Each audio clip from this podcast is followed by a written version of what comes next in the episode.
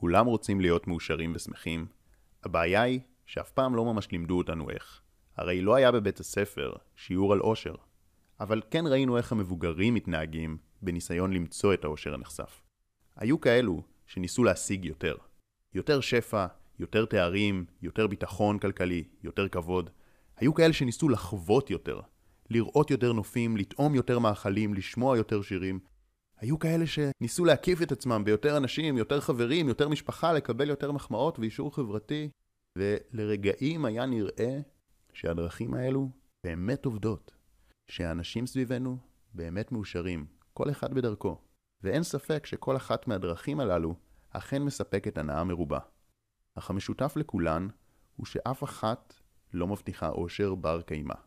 כולן תלויות בגורמים חיצוניים שצריכים להסתדר ולהתארגן כדי שנרגיש טוב, ובעיקר, בכולן יש את המרכיב של כל הזמן לרצות יותר ויותר, מבלי להגיע לשובע. איך זה יכול להיות? הייתכן שהאושר לא נמצא בדברים חיצוניים? או לכל הפחות, לא רק בדברים חיצוניים? התשובה היא בהחלט כן. וההוכחה לכך היא שהרי לכל אחד מאיתנו יש כבר עכשיו כל כך הרבה דברים נפלאים בחיים. יש לנו שפע וטכנולוגיה שאפילו למלכים הגדולים בהיסטוריה לא היה. אנו חיים במדינה דמוקרטית ומותר לנו להביע את דעתנו, בלי להישלח למאסר. אנחנו יכולים לטייל בכל פיסה בכדור הארץ, ולכל הפחות לצפות בנופים דרך מסך הסמארטפון, ולדבר עם אנשים בצד השני של העולם. ועדיין, אנשים רבים אינם מאושרים כי הם לא מתמקדים בטוב שקיים, אלא במה שהיה יכול להיות יותר טוב. ייתכן שאפילו בזמן ששמעתם את מה שאמרתי כאן, חשבתם על כך שיש אנשים עשירים יותר, עם עבודות טובות יותר, או שיש מדינות נאורות יותר, וכאן זה לא דמוקרטיה מושלמת. אם עלו לכם המחשבות האלו, זה רק מוכיח את ההתמקדות האוטומטית במה שאין. אבל למה אנחנו לוקחים את החיובי כמובן מאליו? למה אנחנו לא יכולים פשוט להיות בהכרת תודה על מה שיש? ישנן ארבעה נטיות מחשבתיות מרכזיות שמונעות מאיתנו להיות בהכרת תודה באופן טבעי. הנטיות האלו מושרשות עמוק בגנים שלנו, אבל הן לא גורל. ברגע שמזהים אותן, ותזהו אותן עכשיו, ניתן להחליש אותן משמעותית. הנטייה הראשונה שמונעת מאיתנו הכרת תודה היא תשומת לב לחריג. הנטייה הזו מוכחת במחקרים רבים, ויש מספר השערות שמסבירות אותה. אחת ההשערות היא שמבחינה אבולוציונית לא נועדנו להיות מאושרים. נועדנו לשרוד. המוח שלנו הוא מכונה עתיקת יומין שמתוכנתת לשים לב לסכנות ולדברים שעלולים להשתבש. יש לנו מנגנונים משוכללים ואינסטינקטים שכל מטרתם להבחין באירועים חריגים ויוצאי דופן. כי הרי בטבע עדיף לטעות מאה פעמים במחשבה שרחה של אלים הוא נמר, מאשר פעם אחת לחשוב שנמר הוא סתם רחה של אלים. ראוי לציין את השפעת החדשות על אושרנו. הרי אתרי החדשות הם עסקים שמעוניינים להרוויח כסף, כאשר המטרה שלהם היא לייצר רייטינג ותנועה מקסימלית. למעשה מטרתם היא לתפוס את הקשב שלנו ולמכור אותו לפרסומאים. הקוראים והגולשים, אנחנו, זה המוצר, לא הלקוח. גם אם יש, ואני בטוח שיש, עיתונאים רבים שפועלים מתוך שליחות, בשורה התחתונה, כדי לקבל זמן מסך, הם חייבים להכניס כסף למערכת. ובהנחה שהם אנשים חכמים, שמבינים בפסיכולוגיה האנושית, ויודעים שהמוח שלנו מכוות להימשך לשלילי, אין פלא שאתרי החדשות תמיד יביאו לנו את החריג, את שלל הבעיות והצרות שיש בעולם. זה לא עניין של מה כיף יותר לקרוא, זה עניין של מה תופס את תשומת ליבנו, ושואב אותנו לעוד כתבה ועוד זמן צפייה. במיוחד היום כשערוצי הטלוויזיה, העיתונים ואתרי החדשות מתחרים על הקשב שלנו מול יוטיוב, פייסבוק, נטפלקס וכל רשת האינטרנט, הם חייבים להפוך את האייטמים ליותר ויותר דרמטיים ושליליים, כי זה מה שממגנט את הקשב שלנו. כתוצאה מכל מה שתיארתי, החדשות מטעות ומעוותות את המציאות. הרי בכל יום מתרחשים הרבה יותר אירועים משמחים מטרגדיות. אבל בחדשות מדגישים רק את האסונות, השחיתויות והקשיים. אגב, עצם כך שאתם צופים בסרטון הזה של התפתחות אישית, או צופים בעוד סרטונים וקוראים מאמרים, אתם לוקחים תרופה שהיא נוגדן להשפעה השלילית שתיארנו. הקפידו להיחשף לתוכן מעצים ולהקשיב לסרטונים כאלו, לא פחות מאשר אתם קוראים חדשות. נטייה מספר 2 שמונעת הכרת תודה, התרגלות לחיובי. הנקודה היא שלא רק שהמוח מתוכנת להתמקד בשלילי, אלא שהוא גם נוטה מאוד מהר להתרגל אל החיובי. זמן קצר לאחר שהשגנו דבר רצוי, אנחנו כבר מתרגלים אליו, ושוב מחפשים את היעד הבא. ולא משנה כמה כבר יש לנו, וכמה כבר השגנו. לא משנה כמה המין האנושי התקדם מאז שהיינו אנשי מערות, עדיין תמיד נרצה יותר. זה המנגנון שהביא אותנו לשלוט בעולם ולייצר את הנוחות והטכנולוגיה בחיים המודרניים. אבל זה גם המנגנון שגורם לנו חוסר סיפוק תמידי.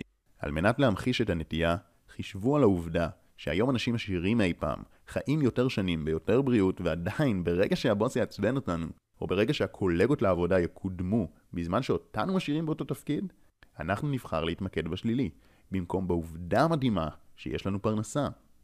נבחר להתמקד בטיסה שלא מסתדרת כמו שרצינו, במקום בעובדה המדהימה שיש דבר כזה שנקרא מטוס, ואנחנו יכולים תוך פחות מיום להיות בצד השני של העולם. נבחר להתמקד באצבע שכואבת, במקום בכך שכל הגוף בריא, חזק ומתפקד מצוין. נטייה שלוש שמונעת הכרת תודה, לקחת את הטוב כמובן מאליו.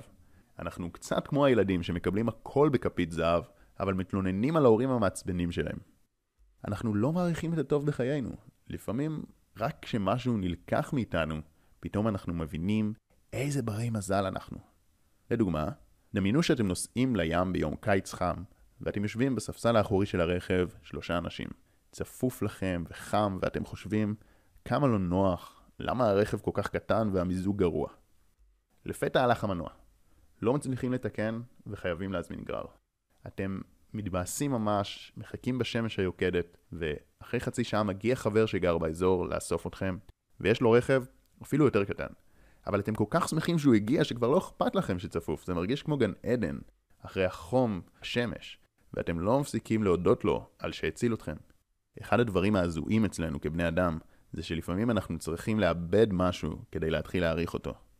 אז אני אומר, למה לחכות? נטייה רביעית, חשיבה השוואתית ויחסית. אין דבר מה שיגרום לנו להכרת תודה ואושר באופן מוחלט. הרי משכורת של 20 אלף בחודש, שכולם סביבנו מרוויחים שכר מינימום, תהיה מספקת ומוערכת יותר ממשכורת של 30 אלף, אם אנחנו עובדים בחברת הייטק שכולם מרוויחים בה 60 אלף. זו נטיית המוח האנושי. אנחנו יודעים להעריך דבר מה רק בהקשר ובהשוואה לדבר אחר. החשיבה שלנו היא יחסית.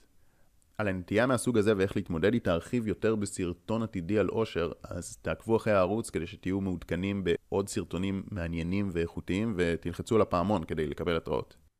עכשיו עולה השאלה, האם באותו האופן שהחדשות מגבירים את הנטייה לשים לב לשלילי, האם כך גם הרשתות החברתיות מגבירות את הנטייה שלנו להשוואה? התשובה היא שבעת גלישה בפייסבוק, באינסטגרם ודומיהם, אנחנו כל הזמן רואים רק את רגעי האושר בחייהם של אחרים. מה ששותה לנו באופן עקבי את המסר, שאנחנו היחידים שיושבים מסכנים מול הסלולרי בזמן שכולם נהנים. זה בעצם מגביר את הנטייה שלנו להשוות ולהרגיש מקופחים. אבל כמו החדשות, זה לא משקף את המציאות, כי הרי המטרה של רוב האנשים ברשתות החברתיות היא ליצור את הרושם הטוב ביותר ולתעד את רגעי ההנאה בחייהם. זה לא מעיד על החיים האמיתיים. בהערת אגב, אפילו אם זה נכון שאנחנו המקופחים, היחידים שבבית, עדיין אפשר לפרגן לחברים ולהכיר תודה על כך שאנחנו חיים בעולם מלא באפשרויות. על כך תרחיבו בסרטון המומלץ על קנאה שאני שם עכשיו על המסך.